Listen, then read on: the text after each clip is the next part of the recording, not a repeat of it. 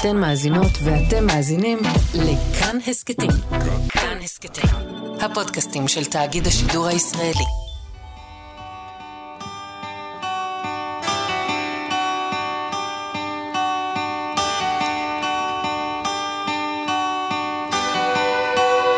לביא ליפשיץ רצה לעשות קולנוע. הוא היה בן 20, שירת בסיירת גבעתי ואהב לצלם. כשהמלחמה הארורה הזאת התחילה, לפני חודש, בדיוק, שמרגיש עכשיו כמו שנה, קוונטין טרנטינו אפילו בא לבקר אותו ואת החברים שלו מהיחידה. אבא של אבי אומר שגם טרנטינו בכבודו ובעצמו לא היה יכול לעשות סרטים כמו שלוי היה יכול לעשות. יש לי הרגשה שהוא אפילו צודק. בשבוע שעבר לוי נפל בקרב ברצועת עזה. וכששמעתי עליו לא יכולתי שלא לחשוב על בחורים אחרים כמוהו, שעלו על מדים, חתמו נשק, עברו קיר, טיפסו חבל, וכל הזמן הזה חשבו קולנוע. הפרק הזה מוקדש להם, וללוי, שלא יוצא מהראש ומהלב שלי מאז ששמעתי עליו, אחרי שנפל. באתי במצב רוח חירניקי, בין השאר בגלל שיושב מולי בחור אחד שעל הכתפיים שלו יושבים שני הכוחות האלה, האומן והחייל. ידין גלמן, לוחם בסיירת מטכ"ל שהוא גם שחקן קולנוע, טלוויזיה ותיאטרון. ידין כיכב בסרט תמונת הניצחון בתפקיד פלמחניק יפה בלורית ותואר, סרט שביים אחד מאורחינו הראשונים, אבי נשר. באותה השנה ידין גם שיחק חייל בריטי בסדרת הנוער פלמח, ובימים כתיקונם אפשר לראות אותו על בימת התיאטרון הלאומי, במחזה עת שאהבה נפשי. שם הוא מגלם הומו צעיר וחביב, כי גם לנו מגיע דברים טובים. בשנתיים האחרונות אי אפשר היה להתעלם מהקצין והג'נטלמן הזה. ובשבעה באוקטובר הוא קם בבוקר, אחרי חגיגות יום הולדת השלושים שלו, ויחד עם חבריו לצוות לא היסס לרגע, וקפץ להילחם בקרב על בארי. שם נפצע קשה מאוד, ואיבד את צמד הברזל שלו, דוד מאיר, זיכרונו לברכה. ידין, הקרב שלך מתחיל בכפר עזה, ואני מת לדעת. אתה נכנס לקיבוץ, אתה ודוד. מה עובר לך בראש? אתה פתאום ממצב שאתה נוסע בכביש ואתה לובש מדים ואתה חושב מה יכול להיות, ואז אתה עובר את המחסום הצבאי ופתאום אתה רואה גופות ברחוב.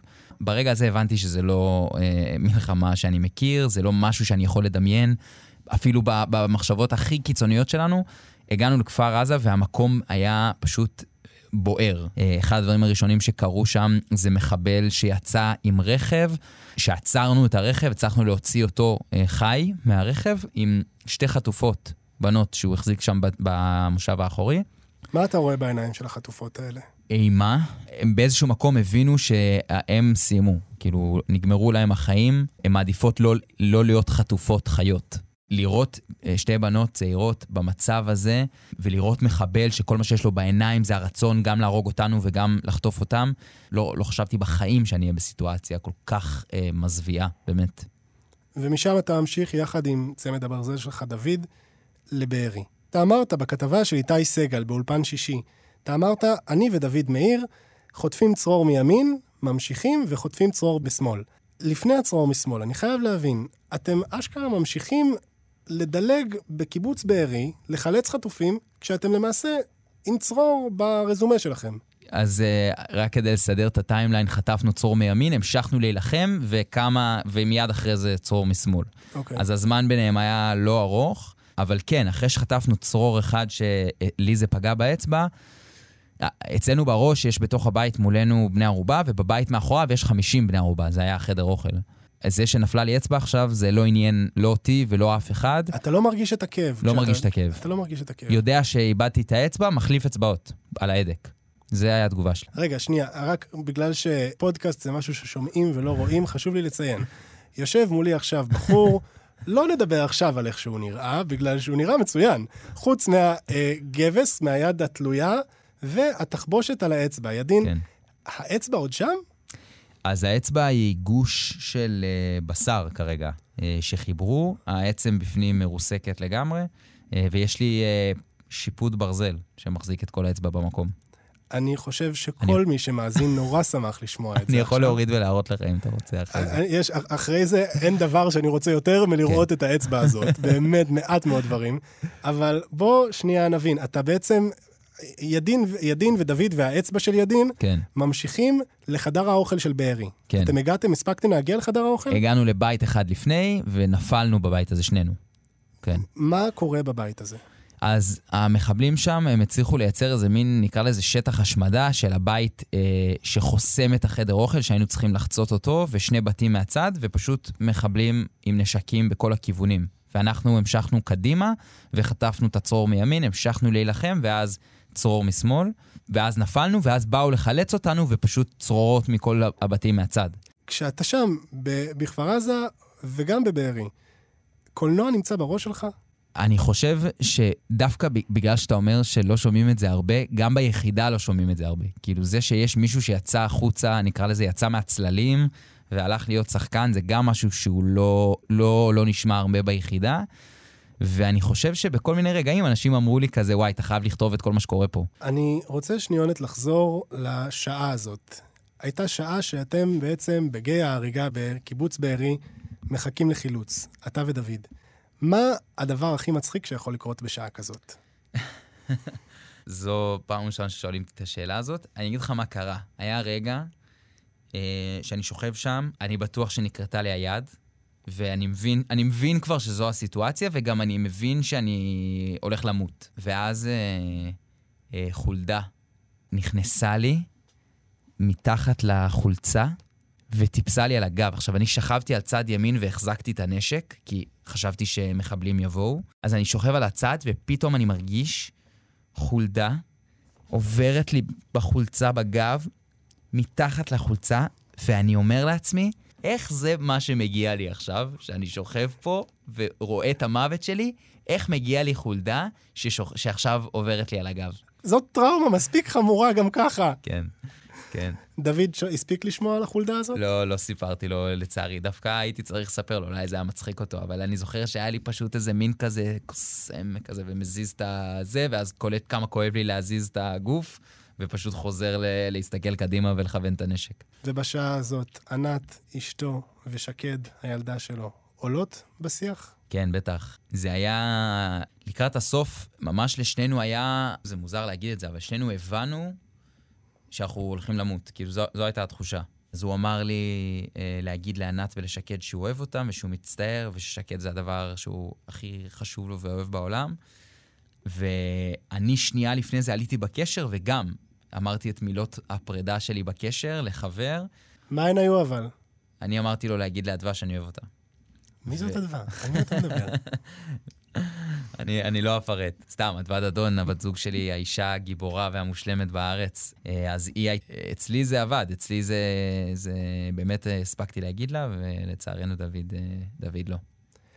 ידין, השחקן, הוא שמר עליך בשעות האלה? הוא בכלל היה שם איפשהו? לא. לא? לא היה שם בכלל. לא היה שם בכלל. אה, כן, אני חושב שפשוט אה, אין, אין מה לעשות, כאילו אין מקום כמעט לכלום חוץ מלהילחם באותו רגע. והוא לא היה שם, לא. 12 השעות האלה, חוזרות אליך עדיין? אתה עדיין איתן? הן עדיין איתך? כאילו, כל דלת שפתחתי וכל כדור שיריתי וכל מחבל שהיה לי מול העיניים וכל בני ערובה שהוצאתי, הכל אני משחזר אותו בראש. קצת ממקום של ביקורת עצמית, של מה יכולתי לעשות יותר טוב, או איפה יכולתי לשנות, או איפה יכולתי להיות אה, יותר חד. אני משחזר את זה כל הזמן. אתה שואל אם ה-12 שעות האלה עוברות אה, בראש שלי, זה אני, אין, אין לי רגע שלא משחזר את כל הקרב, כאילו, ואני יכול להגיד לך על כל כדור שיריתי, ואם אני חושב שזה היה נכון או לא נכון. למה מותר לנו עכשיו, בין כל הכאב הבלתי נתפס הזה, לשבת ולדבר קולנוע? אני חושב שבלי קולנוע בכלל, בלי תרבות, בלי שיהיה לנו משהו שאנחנו, שאנחנו אוהבים לעשות בתקופה הזאת, אנחנו נלך לאיבוד. כאילו, לא יהיה לנו איך, לא יהיה לנו מה לצאת החוצה אחרי המלחמה הזאת. Uh, הסיבה שמותר לנו לשבת ולדבר קולנוע, כי אנחנו בחיים, ואנחנו אוהבים קולנוע, ואנחנו חייבים להמשיך לעשות מה שאנחנו אוהבים לעשות. וכמו חובב קולנוע אמיתי, כמו שני מהפרק הקודם, גם ידין. לא הצליח להצטמצם לחמישה סרטים. חשוב לו שנד... שנדבר על הסרט השישי שלו.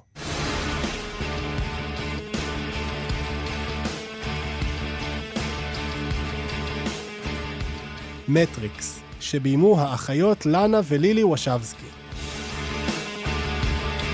למה מטריקס הוא אחד הסרטים הכי גדולים אי פעם? זה אחד הסרטים הראשונים שאני זוכר שאי פעם ראיתי, ולי זה נתן איזושהי אה, הסתכלות על בחירה, כאילו בדת, אוקיי? אם נלך רגע ליהדות, אז בדת אומרים לך שיש לך בחירה חופשית, אבל הקדוש ברוך הוא יודע כל מה שתבחר. ואז יש פה איזושהי סתירה. אתה אומר, רגע, איך זה בחירה חופשית אם אלוהים יודע כל מה שאני הולך לבחור? ובמטריקס פתאום יש איזשהו רגע של הכדור הכחול מול הכדור האדום, ואיזה בחירה חופשית אמיתית.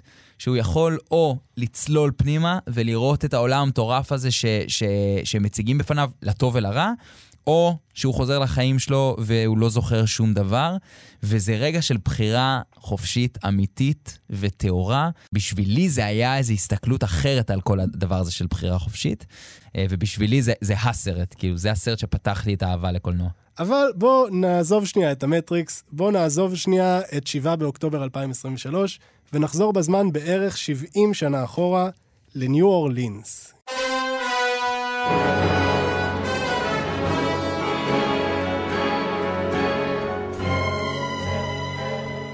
אנחנו עם חשמלית ושמה תשוקה שביים איליה קזאן בשנת 1952.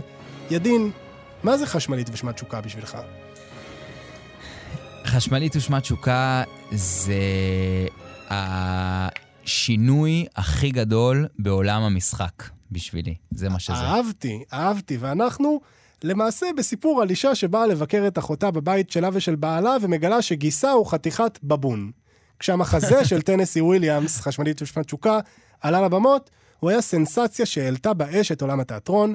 שנים ספורות אחרי, איליה קזאן מקבל לידיו את המשימה ועושה ממנו סרט. ומי עולה על החשמלית ושמה תשוקה? בלנש fucking דובואה, דיבה נוצצת לשעבר שמגיעה לניו אורלינס כדי לבקר את סטלה, אחותה ההריונית, ומתנגשת ישירות בבעלה. סטנלי קובלסקי, פרא אדם. הנתון שאני הכי אוהב לגבי הסרט הזה, זה שהוא הסרט הראשון ואחד מהשלושה היחידים שזכו בשלושה אוסקרים על משחק. יש ארבעה, ארבע קטגוריות, שחקנית ראשית, שחקן ראשי, שחקנית משנה, שחקן משנה. הסרט הזה עשה שלושת רבעי, עד עכשיו אף סרט לא עשה ארבע מתוך ארבע. ואני ממש אוהב את זה. זכה בשחקנית, שחקן משנה, שחקנית משנה. וחשוב לציין שמי ששיחק שם הכי טוב הוא זה שלא זכה. כן, ואתה יודע מה? חשוב לי לשבת על הנקודה הזאת, בשביל מי שעוקב אחרי האוסקרים, חשוב לדבר על זה. מרלון ברנדו, שהיה אז בן 26, הפסיד את האוסקר במידה מסוימת, לא בהכרח של צדק, אבל אז זה נראה נורא הגיוני, כי הוא הפסיד להמפרי בוגארט, שחקן ותיק ומוכר שהיה בשיא הקריירה שלו, ומי זה בכלל מרלון ברנדו? כולה ילד בן 20 ובמבה, אתה יותר גדול ממנו, ידין. עכשיו, אני פה, אתה אמרת שמרלון הוא זה ששיחק הכי טוב, מודה שכשאני רואה את חשמלית ושמת תשוקה, אני פה בשביל בלנש. ומי זאת בלנש? בלנש זאת ויvian לי, שחקנית שמוק... שהגיעה לסטטוס אחת השחקניות הגדולות בתולדות הוליווד בזכות שני סרטים בלבד בתכלס. חלף עם הרוח, מ-1939, שם היא באמת עפה באוויר, זה סרט שאני אוהב אפילו יותר מחשמלית ושמת תשוקה, והסרט שאנחנו מדברים עליו עכשיו, כי בחשמלית ושמת תשוקה היא מקבלת דמות שהיא כמו מתנה לכל שחקנית. היא באמת רואה אותה כמו סטייק מדמם כזה, ואוכלת, אוכלת, אוכלת, ואז בסוף תוקעת גרפס. היא רק רוצה אה, להתמכר לאיזה עולם של קסם שלא באמת קיים, והולכת ומידרדרת הרחק משפיות דעתה. I don't want realism, I want magic. magic. Yes, yes, magic. היא אישה לא מושלמת, היא אנטי גיבורה, היא שקרנית פתולוגית, היא קצת עבריינית מין, למעשה סוג של פדופילית, היא סנובית נוראית, אבל אם אני פה בשביל ויvian, אתה פה בשביל סטנלי. אה, לגמרי. אני חושב שבסרט הזה הוא לקח את המשחק למשחק מודרני, שלא היה עד אותו רגע, וגם אפילו אם תסתכל על הבימוי, הבימוי, כמו שאמרת לפני זה, הבימוי הוא תיאטרון. זה נראה כמו אה, בימת תיאטרון, שצילמו אותו פשוט עם מצלמה, וגם ויvian ככה היא משחקת. בעיניי מרלון ברנדו, בסצנה הראשונה שלו בסרט, הוא מסתובב אל הגב, והוא מגרד את הגב שלו. שזה אסור לעשות עקרונית, אם אתה רוצה להיות בגלם, אם אתה רוצה לעשות הוליווד, לא מגרדים את הגב, זה כמו לא, לעשות פלוץ. בול, לא מגרדים את הגב. אין שום תנועה שאתה עושה שאין לה מטרה, שאני אומר, רגע, מצטט פה את המורים שלי בבית ספר למשחק, שמקדמת את השחקן אל עבר הרצון שלו. ומרלון ברנדו פה אומר, לא, אפשר להיות גם בן אדם. והבן אדם הזה מגרד בגב שלו כשהוא מסתובב, והבן אדם הזה מגרד את האף שלו, והוא מזיז משהו מהחולצה של, אה, של סטלה באחת מהסצנות, והוא פשוט משנה את המשחק. מבחינתי זה כאילו הקפיצה, ואני חושב שהוא עושה את העבודה הכי מטורפת בעולם שם. ויvian מדהימה, אבל היא מאוד מאוד תיאטרלית, וזה מאוד מתאים לתקופה הזאת. הרי הסרט הזה הוא לכאורה באמת סיפור של גיס וגיסה שלא מסתדרים. בתכלס, זה דו-קרב. זה דו-קרב. נכון. ויvian חיה ב- בהוליווד של פעם. ויויאן חיה בעולם האשליות, וסטנלי כמו תופס אותה ואומר, את חיה איתי פה בעולם האמיתי, and you better get used to it, וגם מביא לה אחת לפנים כדי שהיא תבין. זה באמת סרט מאוד מאוד אלים. דרך אגב, אנחנו עם עוד ארבעה סרטים לפנינו, זה הולך להיות מוטיב, חברים. כן. ידין בא לפה במצב רוח קרבי. אני במצב רוח קרבי, חד משמעית. ידין בא לפה עם הסכין בין השיניים, וזה באמת סרט של סכין בין השיניים. לכל דמות כאן, גם לבלנש וגם לסטנלי, יש את שורת המחץ שלה. לבלנש יש את Whoever you are, I've always depended on the kindness of strangers. לסטנלי יש את שלו, שהייתה אפילו יותר איקונית. Hey, Stella! Stella! ועכשיו, ידין, אתה מתבקש לתת את שלך. סטלה! סטלה! זה כל כך טוב, היא באמת, יש... שמתי לב לאחרונה שכמה... איך אתה יודע אם סרט תפס? אם יש לו פרודיה ממש ממש טובה. נכון. בסיינפלד יש פרודיה מושלמת על הקטע הזה, כשאיליין בעצמה צועקת סטלה סטלה. מה שיפה גם, זה שכשאתה רואה את זה בתוך ההקשר של הסרט, זה לא סתם סטנלי קובלסקי מתחרפן וצועק לאשתו סטלה סטלה. לא, יש סיבה שהוא צועק לה.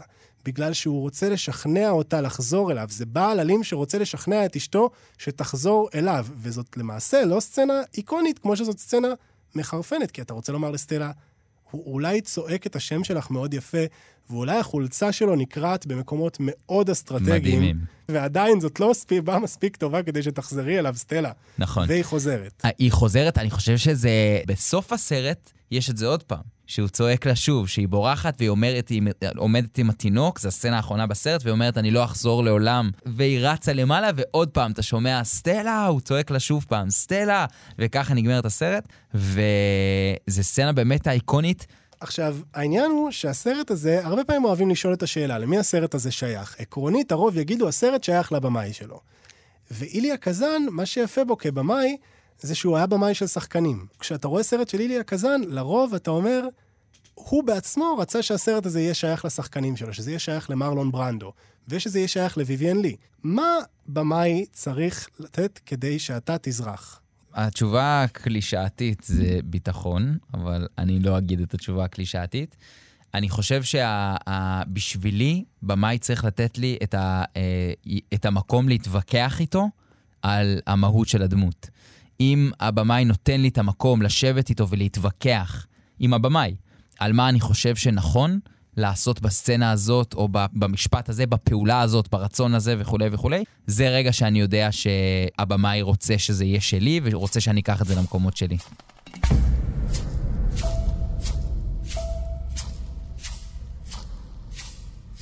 מאיליה קזאן אנחנו עוברים לצמד במאים הרבה יותר טוב. ארץ קשוחה של האחים כהן משנת 2007. ידין, מלבד תיאור קצת מדויק לישראל של החודש וקצת החולפים. מה זה ארץ קשוחה בשבילך? ארץ קשוחה בשבילי זה הסרט הראשון שמהרגע שהתחלתי לצפות פה ועד הסוף, אני נמצא בלחץ של אני לא יודע מה הולך להיות בסצנה הבאה. אנחנו כאן בסיפורו של מרדף משולש, שמתחיל בעקבות מזוודה ובה כמה מיליוני דולרים. את המזוודה מוצא לואלין מוס, קאובוי שנתקל בה במקרה, אחרי שמצא את עצמו בליבה של עסקת סמים שנגמרה רע ממש. ברגע הזה לואלין מתחיל לברוח מכל מי שמעוניין במזוודה הזאת, ובראשם אנטון שיגור, רוצח שכיר וסוציופט, שככל הנראה עוסק במקצוע הזה פשוט בשביל הכיף. ואחרי אנטון, רודף השריף בל, איש חוק מיואש שכמו כולנו, לאחרונה, לא מבין מאיפה הגיע כל הרוע הזה. עכשיו, זה באמת באמת סרט ענק, אבל אתה אומר, כשראיתי את הסרט הזה פעם ראשונה, הייתי באיזה כיתה ה' או ו', וזה היה נורא נורא מפחיד כמובן, וזה היה נורא אלים, והאלימות הזאת הייתה נורא אינטנסיבית. ועכשיו האלימות הזאת מרגישה כמו מיץ פטל, כי הגיבור, ש... הנבל שלנו, אנטון שיגור, הוא באמת רוצח המון אנשים, והוא עושה את זה בצורה מאוד קפואה ואפתית, וזה כשלעצמו באמת מאוד מאוד מפחיד, אבל למי אכפת, בחייאת? כאילו זה נראה באמת כל כך לא רלוונטי, הסרטי אימה האלה, ו... והסרטי מתח האלה על רוצחים אה, משוגעים, שבסוף אנחנו, זה מה שיש לנו במדינה שלנו. קודם כל, הוא באמת, כמו שאמרת, סרט מתח מדהים, ומצד שני הוא סרט כל כך פילוסופי וחכם על רוע ועל אקראיות. נכון. זה בגלל שהאחים כהן, שזאת פעם ראשונה שלהם בפודקאסט שלנו, הם הבמאים הכי טובים בעולם. הם פשוט אלופי העולם בקולנוע. What's the most you ever lost on a coin toss?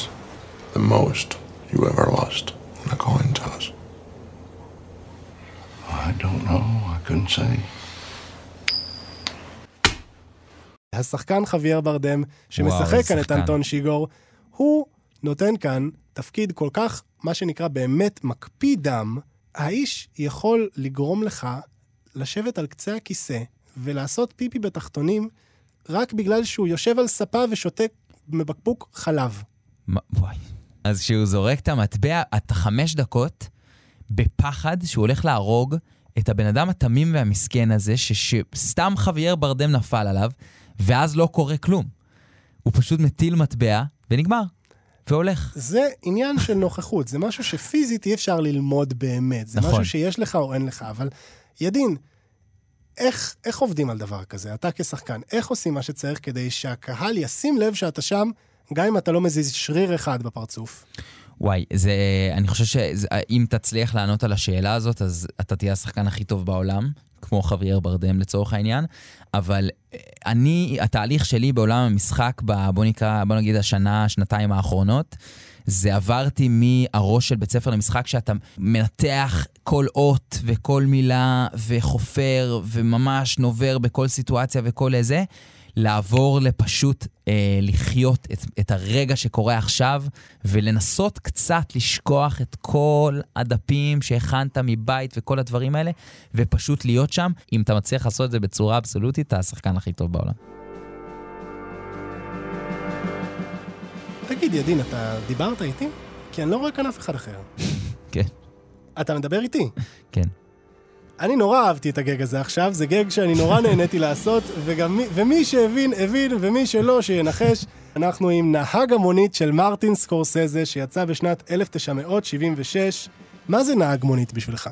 נהג מונית בשבילי זה סרט על לוחם פוסט-טראומטי שהם לא מנסים להראות שהוא פוסט-טראומטי בצורה הקלישאתית של אני בהזיות ומראות מול העיניים שלי וכל אה, בום בכביש אה, מקפיץ אותי. באיזשהו מקום, אם אתה מפספס את זה שהוא אומר אני, אני נלחמתי בווייטנאם, כשהוא בא לקבל את הרישיון של הנהג מונית, אם אתה מפספס את המשפט הזה, אתה לא יודע שהוא פוסט-טראומטי. ו- ובשביל מי שפספס, בשביל מי שבטעות לא ראה את נהג מונית, אחד הסרטים שלימדו את העולם שאפשר גם לעשות סרטים מיינסטרימיים ומושקעים, שהם למעשה אפלים ומפחידים נורא, זהו סיפורו של טרוויס. הוא לוחם פוסט-טראומטי משוחרר ממלחמת וייטנאם, שמגיע לניו יורק ומבין שהרחובות המטונפים ומלאי הפשע שלה לא טובים יותר מהג'ונגלים של וייטנאם. Listen, you fuckers, you screwheads. Here is a man who would not take it anymore. הוא מתחיל עבודה כנהג מונית, וכל מי שאי פעם חווה תחבורה ציבורית, יודע שזאת לא הדרך להתחיל להאמין מחדש במין האנושי, ואכן לאט לאט, טרוויס מגלה שהוא פשוט שונא את כולם, חוץ משתי נשים. האחת פעילה פוליטית יפהפייה שמסרבת להתאהב בו, והשנייה זונת רחוב בת 13 שמסרבת לתת לו להציל אותה. אבל ככל שהוא מנסה, קשה שלא לשאול את השאלה, האם יש לנו עסק עם גיבור או עם נבל? אני חושב שהתשובה מגיעה לך בסוף הסרט, זה עניין של נקודת מבט. הסרט נגמר במין חגיגת אלימות שנראית כמו אורגיה של דם. אגב, זה תיאור שגנבתי מהמרצה שלי לתולדות הקולנוע בשנה א', הוא זה שאמר אורגיה על של דם. Taxi Driver? על Taxi Driver, הוא זה שאמר אורגיה של דם. אני לא חותם על הדימוי הזה, אבל גם אסור לי לדבר על נהג מונית בלי להזכיר שמישהו פעם אמר לי אורגיה של דם, ועכשיו אתם גם חייבים כן, לשים את הדימוי הזה בראש שלכם. זהו, יש דימוי בראש. תודה רבה על זה. הזה עובר לכם, ואתה אומר, האם האלימות הזאת, בשינוי נקודת מבט, היא יכולה להיות אקט של רוע מוחלט, אבל אנחנו החלטנו שככה נראית גבורה. אז אחרי האורגיה של דם, תודה רבה על זה, על עוד דבר ידין. אז אחרי זה יש את החגיגות בעיתונים של הנהג מונית הגיבור שהציל את הזונת רחוב. זה מה שכתוב שם בעיתונים, שהוא גיבור, שהוא נלחם מול גנגסטרים, ואז חוגגים אותו כגיבור. עכשיו, אנחנו שוב נמצאים בסיפור הזה של הגיבור שמציל את העלמה במצוקה. אני רוצה לדבר על העלמה במצוקה. זאת אחת השחקניות האהובות עליי ועל אבא שלי, ג'ודי פוסטר, אז כן. רק ילדה בת 13 לפני שני האוסקרים שלה. וואו. אני פעם שמעתי מפסיכולוג שאמר שלתת לילדה בת 13 לשחק זונה זה סוג של התעללות. דבר שני, אני חייב לספר לכם סיפור מאוד מאוד יפה, וזה משהו שקרה קצת אחרי שהסרט נהג מונית יצא. היה איש אחד בשם ג'ון הינקלי, שראה את הסרט הזה, וראה את ג'ודי פוסטר הצעירה והתאהב בה, והחליט, כמו טרוויס, שגם לרגע מנסה להתנקש במועמד לנשיאות, הוא גם החליט, אני, אני רוצה גם, נראה לי שזה יעבוד. ולכן הוא החליט לנסות להתנקש בנשיא ארצות הברית רונלד רייגן. אני כל כך אוהב את הסיפור הזה, בגלל שכשאתה רואה את ג'ודי פוסטר בסרט הזה, אתה אומר, זאת הופעה שכמעט חיסלה נשיא ארצות הברית, ובצדק, ובצדק. כי היא נהדרת בסרט הזה. וואו, היא מדהימה. למעשה, אני אוהב אותה יותר מדה נירו. אה, חד משמעית, אני חושב שהיא גנבה את ההצגה בסרט. אח שלי, לא. ציפיתי שתגיד דבר כזה. חד משמעית, אני חושב שהיא גנבה את כל ההצגה, אני רציתי שהיא תנצח. כן, הסרט. את האקדח, בחייאת. כן. תחסלי אותם. תחסלי את כולם שם. אני, וואי, היא מדהימה בסרט, אני חושב שמהשנייה שהיא מופיעה על המסך, הסרט נהיה... בגלל זה הסרט, וואו. היא דמות אמיתית, וזה משהו מאוד לא מובן מאליו בסרטים כאלה, שהאישה שיש להציל, היא לא סתם אישה שיש להציל. גם הפעילה הפוליטית שמגלמת כן. סיביל שפרד, וגם העובדת המין שמגלמת ג'ודי פוסטר, הן דמויות עם עומק, עם עבר, עם אופי. אתה בעדן גם בלי קשר לפסיכי הקטן שמסתובב סביבן. כן. ובסוף הסרט, רואים שכשהיא מסתכלת על טרוויס, היא לא באמת שמחה שהוא הציל אותה. היא אומרת לו, אל תעשה את זה, אל תעשה את זה. היא מבינה שמי שהציל אותה הוא לא גיבור והוא לא נבל, הוא פשוט רוצח. כן. ואני חושב שזה אפילו יותר אישי מזה, אני חושב שהיא מרגישה שהוא הרס לה את החיים. שהוא לקח לה כאילו את העבודה שהיא, זה לא נראה שהיא סובלת ממנה, מהעבודה שלה. ויש איזה, איזה מבט של הרסת לי את החיים. ועכשיו באמת, אסור גם לדבר על Taxi Driver בלי לדבר על דה נירו, שעושה כאן עבודה כל כך טובה, כי אתה, באמת, אתה בעדו. למרות ש... ואתה גם מבין שהוא לא אדם טוב, ואתה מבין שהוא לא גיבור. וכמובן שזה בא לידי ביטוי בסצנה האחת שכולם זוכרים מהסרט הזה, ופשוט לא זוכרים אותה נכון. You talking to me? You talking to me? You talking to me? אתה שומע את האיש הזה מדבר למראה, ובתוך הסרט אתה מבין, זה לא משהו שאתה אומר כדי להישמע מגניב. אתה רוצה לומר לו, בוא, אחי, שתה כוס מים ותירגע. כן. וכמובן שגם חייבים לדבר על הבמאי שעושה כאן בפודקאסט שלנו את הופעתו הראשונה, בכורה. של סקורסזה בפודקאסט. בכורה? וואו. כן, אני אגב, באמת, עם כל האהבה לנהג מונית, יש לו סרטים טובים יותר, כן? אני מסכים שיכול להיות שיש לו סרטים טובים יותר, זה אבל. האיקוניות, אה, איזה סרט איקוני. ואתה יודע, אנחנו עכשיו מסיימים רצף של שלושה סרטים על גברים יוצאי צבא שמוצאים את עצמם בלב פרשייה אלימה וכואבת. ממש, ידין, אתה באת מוכן לפסיכולוג. מה שמדהים זה שהסרטים האלה נבחרו אצלי בראש עוד הרבה לפני שגם הייתי חייל, גם הייתי שחקן וגם הייתי אחרי מלחמות, זה מהילדות אני אוהב את הסרטים האלה. המלחמה הזאת היא המלחמה השנייה שלך. אתה הספקת גם לעשות uh, וי על צוק איתן, נכון? אתה כבר יודע לומר מה מלחמה יכולה לעשות לנפש של בן אדם? אמ, ה- אני יודע מה מלחמה יכולה לעשות לנפש של בן אדם, אבל לצערי אני חושב שחרבות ברזל זה לא מלחמה שהכרנו. אני חושב שההשפעות שיהיה לזה בין היתר על הלוחמים, אבל גם על האנשים בכל, ה, בכל הארץ, זה ייקח הרבה זמן אה, לאחות את הנפש של כולם. בגדול, מה שאתה רואה ב Taxi Driver, זה בן אדם שהוא לא ישן, זה בן אדם שאין לו מנוחה בראש שלו, אה, וגם קשה לו בהמון סיטואציות חברתיות, כמו נגיד ללכת לאישה ולדבר איתה, או להתמודד נכון עם אה, תגובה מאוד רציונלית של מישהי שאתה לוקח אותה לראות סרט פורנו בגדול. סצנה נוראית, נוראית, נוראית בנהג מונית, שהוא הולך, לוקח לדייט את הבחורה היפהפייה, כן. והוא חושב שבמקום לקחת אותה לסרט נחמד בקולנוע, הוא לוקח אותה לאולם של קולנוע פורנוגרפי. כן. חרבות ברזל, אני, אני חושש לראות מה זה יעשה לנו. אתה יכול לשער לעצמך מה זה עשה לך? איזה בן אדם אתה עכשיו? כן, אני בן אדם שמרגיש אה, שכשהוא הולך ברחוב, אז אי אפשר לסמוך על אף אחד. התחושה היא שזה יכול לקרות שוב, בכל מקום, ב- ב- בכל רגע. אתה יודע, עצם זה שכולם עכשיו רוצים להסתובב עם נשק, זה בעיה. אה, זה לא אמור להיות ככה. אתה חושב שזו טעות? לא, אני חושב שאנחנו צריכים להסתובב עם נשק. אה, אוקיי, מעניין. חד משמעית. אני חושב שכולם צריכים, כמה שיותר אנשים שאנחנו סומכים עליהם צריכים להסתובב עם נשק, אבל זה בעיה שהגענו לנקודה הזאת. היית אומר, אנחנו אחרי שלושה סרטים אלימים וברוטליים, היית מצפה שנקבל איזושהי הפוגה, איזושהי קומדיה קומדיה רומנטית. רומנטית, אולי הארי וסלי, כן. אולי איך להיפטר מבחור בעשרה ימים. בול. לא.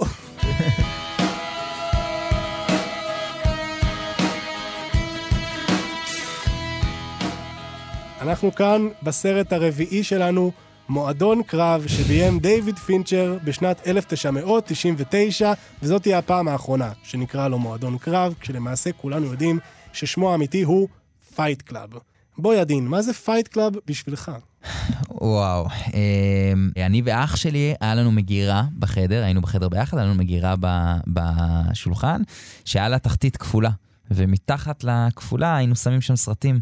היינו שמים את Green Street, ומטריקס, ו Fight Club. למה הסתרת את Fight Club? אני חייב להבין. כשאני הייתי ילד, שמתי ברמקולים בחדר שלי שיר של 50 סנט, In the Club, בווליום מאוד מאוד נמוך, כדי שההורים שלי לא ישמעו, ואיך שאימא שלי פתחה את הדלת, הוא אמר כזה, fuck. שמעו את זה ולקחו לי את הרמקולים.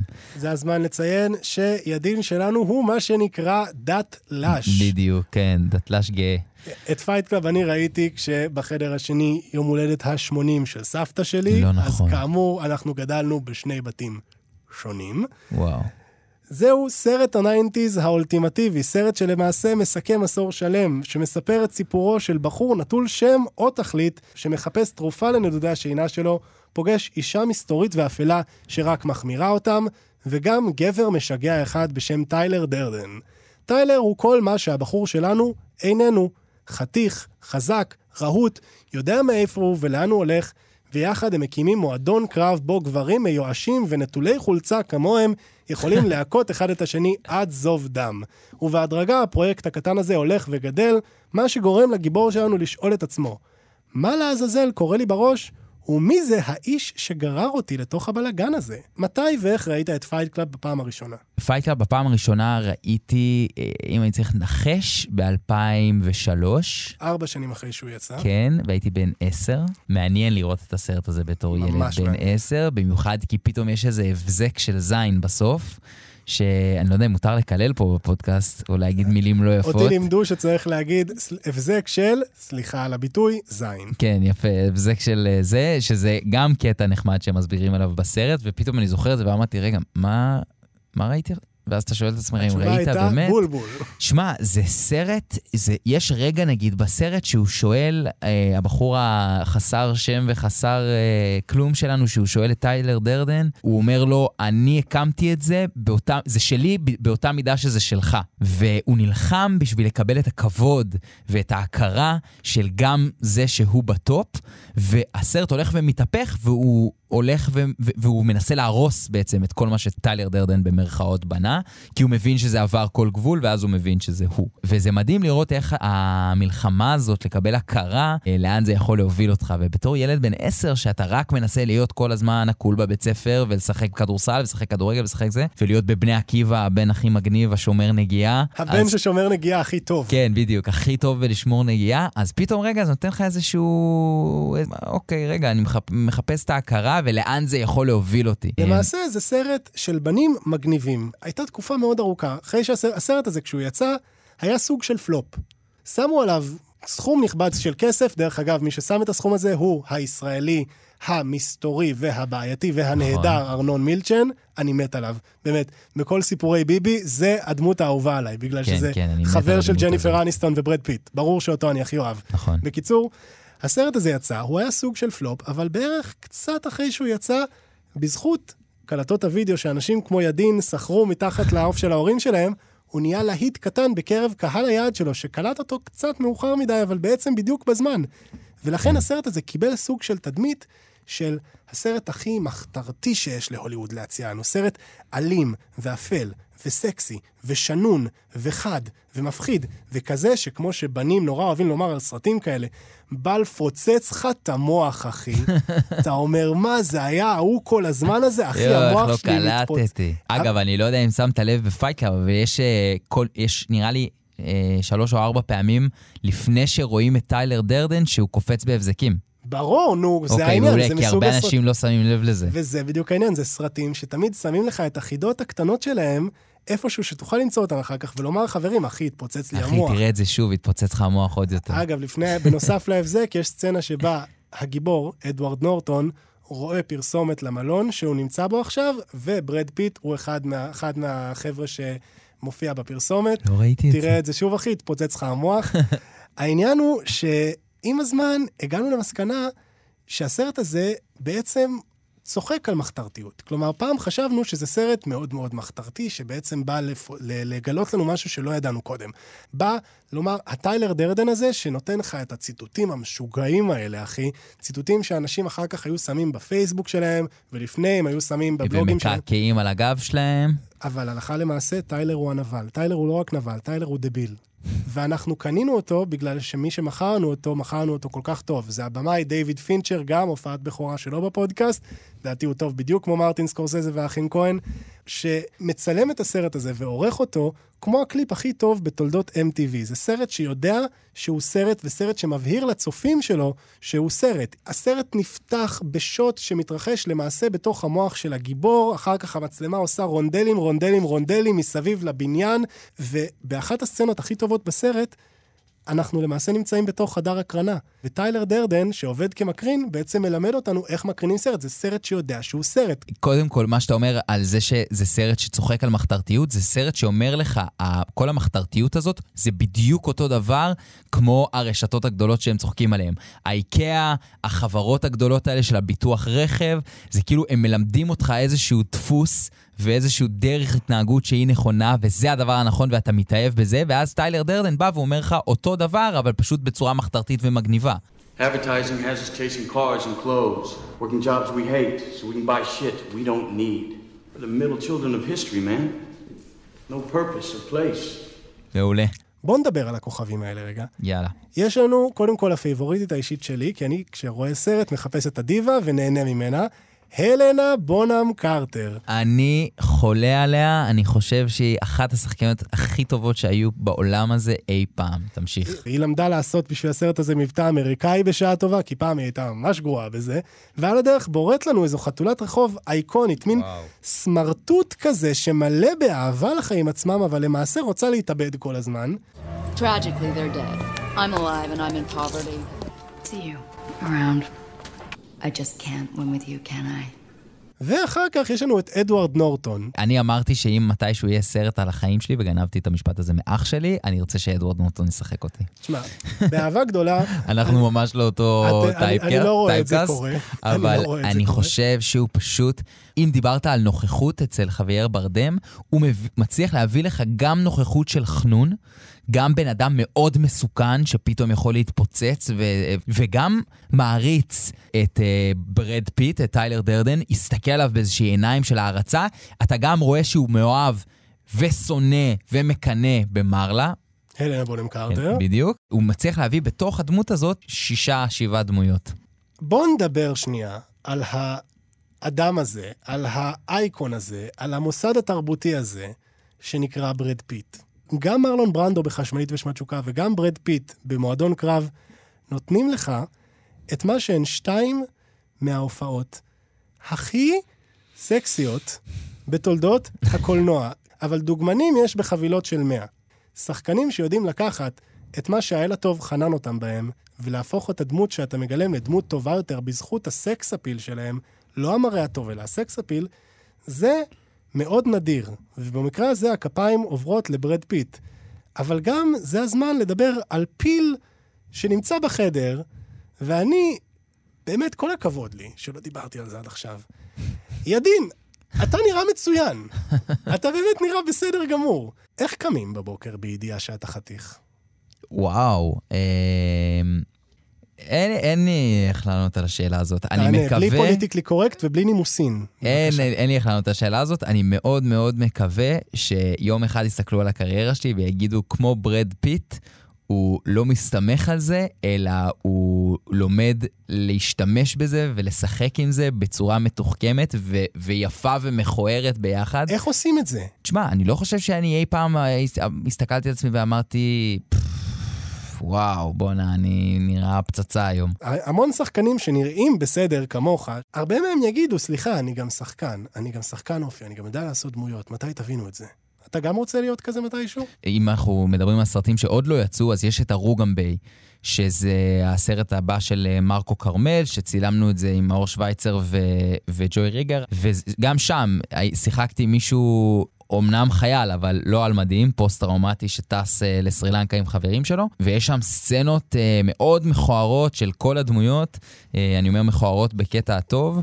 כן, אני מקווה שבכל סרט אה, נצליח להביא כאילו את העומק הזה בלי, בלי להסתמך על אה, נראות או, או משהו כזה. זה חלק ממני, אה, איך שאני נראה, איך שאני זה, איך שאני מתנהג, הכל, ו- וכל זה צריך להיכנס לתוך הדמויות שאני משחק איכשהו. חברים, אנחנו הגענו לסרט האחרון שלנו, שהוא אולי הסרט הכי איקוני של 30 השנים האחרונות. דרך אגב, שמח שאתה אומר זה. בעוד כמה חודשים הסרט הזה יחגוג 30 שנה. נכון. וכמו ילדות רעות, כמו לשבור את הקרח, כמו שר הטבעות, אולי אפילו יותר מכולם, כולנו יודעים לצטט אותו, כולנו מתחפשים אליו בפורים או בהלואוין, וכולנו מזהים אותו החל מפריטת הגיטרה הראשונה.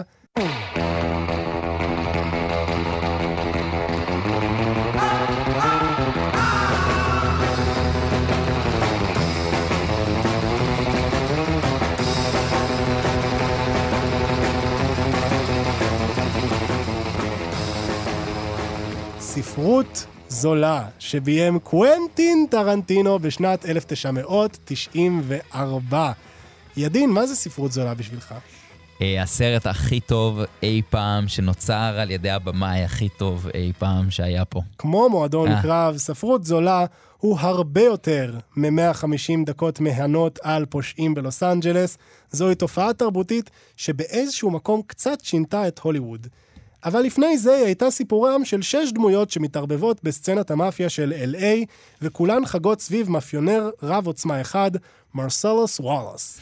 זוג שודדים מאוהב שמנסה למצוא כיוון חדש לחיי הפשע שלהם, צמד מחסלים ביום משונה במיוחד, אשתו של מאפיונר שיוצאת לדייט עם אחד החיילים שלו ונהנית קצת יותר מדי, מתאגרף שמתבקש למכור את הקריירה שלו ומסרב, כולם נתקלים בכולם באיזשהו שלב, אבל לא כולם יצאו מזה בחיים.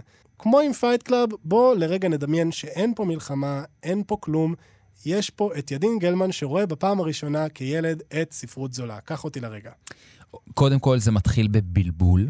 אה, אני רואה סרט שהוא לא מסודר בצורה כרונולוגית, אתה לא רואה את מה שקורה בסדר הנכון שהוא קורה. יותר מזה, זה הולך נגד חוקי התסריטאות של אירוע מחולל, ואחרי כמה דקות אמור להיות אירוע מחולל, ומה המניע, וכל מיני דברים כאלה, שקוונטין טרנטינו פשוט מחליט שהוא לא אכפת לו מהחוקים האלה, והוא בונה את הסרט איך שהוא רוצה. ואז בפעם השנייה שאני צופה בסרט, אני חושב שזה באמת הדבר הכי טוב שראיתי בחיים. יש שם...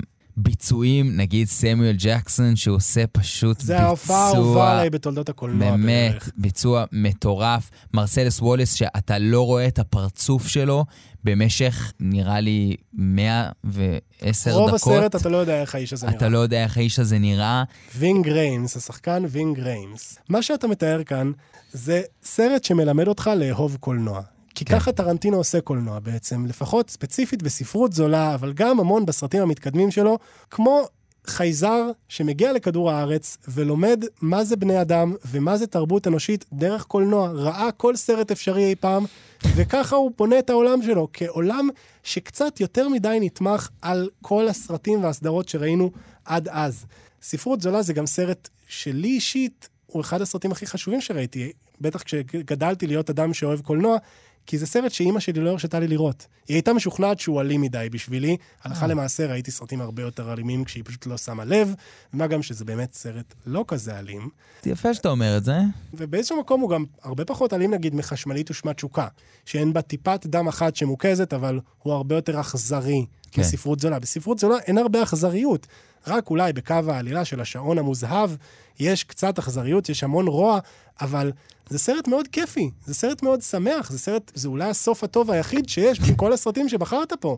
זה סרט שמביא לך עולם, ואתה, גם אם העלילה עצמה לא מתקדמת, כי כמו שאמרת, אין אירוע מחולל, אין A שמוביל ל-B שמשם עוברים ל-C, אתה פשוט טובע בעולם עם סגנון משל עצמו, בדיאלוגים, בתלבושות, בצבעים, במוזיקה.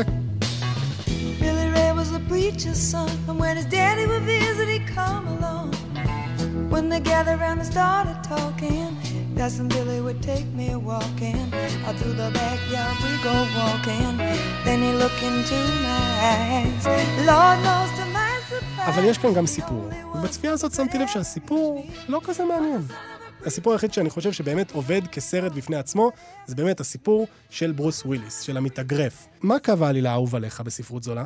בנאלי, אבל הקו האהוב עליי זה הצמד אה, גנגסטרים. צמד הגנגסטרים, כן. ג'ולס ווינסנט. נכון. יש קטע לטרנטינו של לאתר שחקנים שפעם הלך להם, כן. עכשיו קצת פחות, והוא מנסה, ומרים אותם, מרים אותם למעלה. מטיס אותם. בגלל שג'ון טרבולטה הוא מה שנקרא a crazy person, זה החזיק מעמד למשהו כמו עשור, ומשם הוא חזר לדרכיו העקלקלות, אבל סמואל אל ג'קסון מביא לנו כאן את אחת הדמויות הכי טובות שהיו באיזשהו סרט אי פעם, נביא תנכי עם אפרו. Ezekiel 25, 17. The path of the righteous man is beset on all sides by the iniquities of the selfish and the tyranny of evil men. Blessed is he who, in the name of charity and goodwill, shepherds the weak through the valley of darkness. For he is truly his brother's keeper And the finder of lost children. שנותן את אחד הציטוטים הכי טובים שקיבלנו, מין פסוק תנכי שטרנטינו המציא לחלוטין. המציא. המציא. כן, יופי, אני שמח שאמרת את זה. לא. זה לא המציא לגמרי, הוא שילוב. שילב פה כמה וזה, אבל זה לא קיים באמת בתנ"ך. כלומר, יחזקאל, פרק אה, 25, פסוק 17, זה באמת הפסוק האמיתי, קצת, אבל... קצת עם שינויים. קצת עם שינויים, קצת זה, אבל זה לא החלק הכי חכם שלו. החלק שבו אני, שאני הכי אוהב בסרט בעצם, זה הרגע שבו ג'ולס מפרש את הפסוק פעם ראשונה, ובעצם אומר, The truth is, you're the weak, and I'm the tyranny of evil men. But I'm trying, Ringo. I'm trying real hard to be the shepherd. ובעצם אומר, אני עד עכשיו הייתי גנגסטר עם סטייל, ולא היה לי מהות. לא חשבתי על כל הדברים המגניבים שאני אומר. עכשיו אני חיפשתי משמעות ומצאתי אותה, ולפי המשמעות הזאת, אני צריך לעשות את מה שטוב. אני צריך לבחור בטוב. אני מנסה להיות הרועה הטוב, ולא להיות האקדח היורה. טרנטינו הוא באמת אחד הבמאים האמריקאים החשובים של 30 ומשהו השנים האחרונות, בין השאר בגלל שהוא גרם לי ולך להתאהב בקולנוע. כן. ובגלל זה, כשהוא הגיע לארץ, אני כל כך התרגשתי. כי כל כך התרגשתי שהבן אדם הזה, שליווה אותי כל שנות הילדות שלי, והפך אותי בעצם, אחד, הוא אחת הסיבות שאני מי שאני היום, יש מצב שזה נכון גם לגביך, ידין. ולראות אותו מסתובב פה בצפון תל אביב, כאילו הוא פשוט מחכה לאסוף את הילד מהגן, ויותר מזה, לראות אותו מבקר בבסיסי צה"ל, כן. ומשמח ילדים כמו לוי ליפשיץ, זיכרונו לברכה, אני יכול פשוט לבכות. ממש, אני אגיד לך גם טרנטינו, הוא, יש לו פודקאסט גם, The Video Archives, אם אתה שומע אותו, ואני שומע את הפודקאסט, ואז יצא לי לפגוש את טרנטינו. תספר לי מה אתה אמרת לטרנטינו כשפגשת אותו. מה המשפט הראשון? מה המשפט הראשון? אמרתי לו, שה... ש... אמרתי לו שאני שומע את הפודקאסט שלו, ושהסרטים שהוא המליץ עליהם בסוף פרק, לא זוכר איזה זה היה, הם חרא של סרטים. ומה הוא אמר? הוא אמר לי שאני צודק.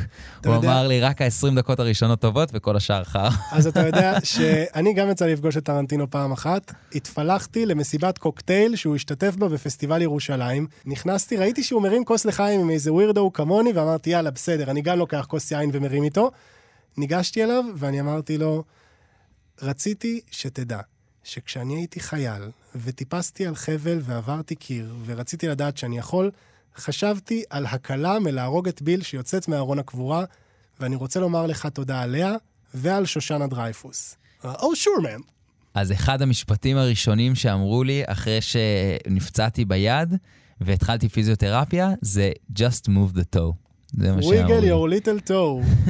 תגיד, ידין, כשאנחנו לקראת סיום, אחרי שאנחנו דיברנו על כל כך הרבה סרטים כל כך אלימים ואפלים, אין איזה סרט חמוד אחד שאתה אוהב? ברבי הסרט, הארי וסאלי. אז אם אתה פותח את עניין, קודם כל מלך האריות המקורי, 94. מלך האריות המקורי, סרט מפחיד עצוב. ואפל. לא, הוא לא מפחיד, אבל אני חושב שזה, אם, אם אני צריך ללכת לעולמות הטובים יותר והתמימים יותר, זה מה שאני בוחר. חוץ מזה, אין לי סרטים תמימים וקומדיות רומנטיות שאני אוהב. אה, לא כי אני לא אוהב, אלא כי הראש שלי הולך לאפל ולאלים, לא יודע למה. אבל אם אתה פותח את ברבי, אני הלכתי לראות את ברבי כמובן ביום שזה יצא, ביחד עם אופנהיימר, ועשיתי את כל הסבב. אני מאוד נהניתי בברבי, מאוד. אבל אני חושב שכמו שאימא שלי אמרה, זה סרט קצר מעולה. כי אתה אחרי עשר דקות מבין את הפואנטה של הסרט, ואז אתה רץ עוד שעתיים על אותו קו. לפני סיום, אני רוצה לדבר איתך על הקריירה שלך רגע. בטח עכשיו, כשאנחנו בנקודת מפנה בחיים שלך. כן. לא רק כשחקן, אלא גם כידין. יש מצב שמתישהו אנחנו נראה אותך עובר מקדמת המצלמה למאחוריה, כבמאי? אני אגיד פה לראשונה שאחרי שנגמר ה- נגמרת המלחמה, אז uh, בעזרת השם, אם אנחנו חוזרים אני למקורות, מקווה שמחר. אז אנחנו, אני מתחיל ה pre-production של סרט קצר שלי, סרט ראשון שקיבלתי תקציב כבמאי? כבמאי. אה, יש לי כבר חברת הפקה ומפיק. אתה רוצה לומר לנו בכמה מילים מה הולך להיות הסיפור? כן, ממש בכמה מילים, זה הסיפור אה, חזרה בשאלה שלי, ולמצוא את עצמך בתור חייל בין שני העולמות, העולם החילוני והעולם הדתי, ובאיזשהו מקום זה מפגש עם ההורים שלי שמעולם לא היה על הנושא הזה. זהו, זה הסרט ומה הקצר. אתה חושב שהטראומה הזאת שעברת תעשה לך כיוצר, כקולנוען, בטח עכשיו כשאתה רגע לפני הסרט הראשון שלך כבמאי? לי זה נתן uh, הסתכלות אחרת על מה זה uh, חיים.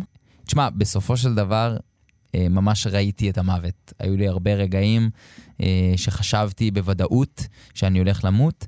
אני חושב שאחרי שאתה uh, חווה דבר כזה, ואתה ממש הסתכלת על המוות בעיניים, ו- וגם הרגשתי אותו פעם אחת, העולמות שעליהם אני אכתוב, שאני כבר כותב, אבל העולמות שאני אעבור עכשיו לכתוב עליהם, העומק של הדברים, ההסתכלות עכשיו על כל uh, פריים שאני יכול לדמיין, תהיה uh, הרבה יותר חיים ומוות ומשמעותיים ממה שהם היו לפני.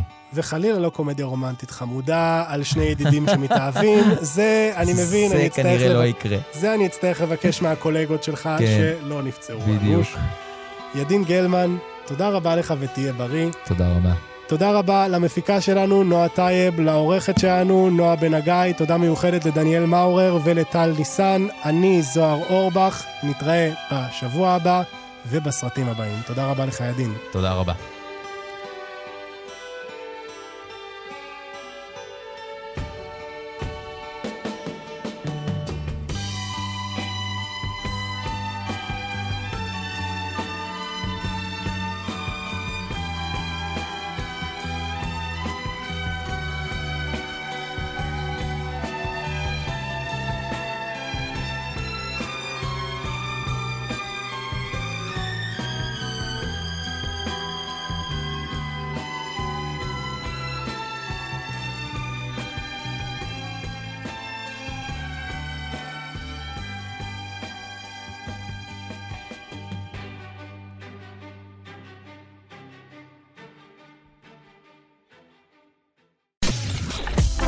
אתן מאזינות ואתם מאזינים לכאן הסכתים. כאן הסכתים, הפודקאסטים של תאגיד השידור הישראלי.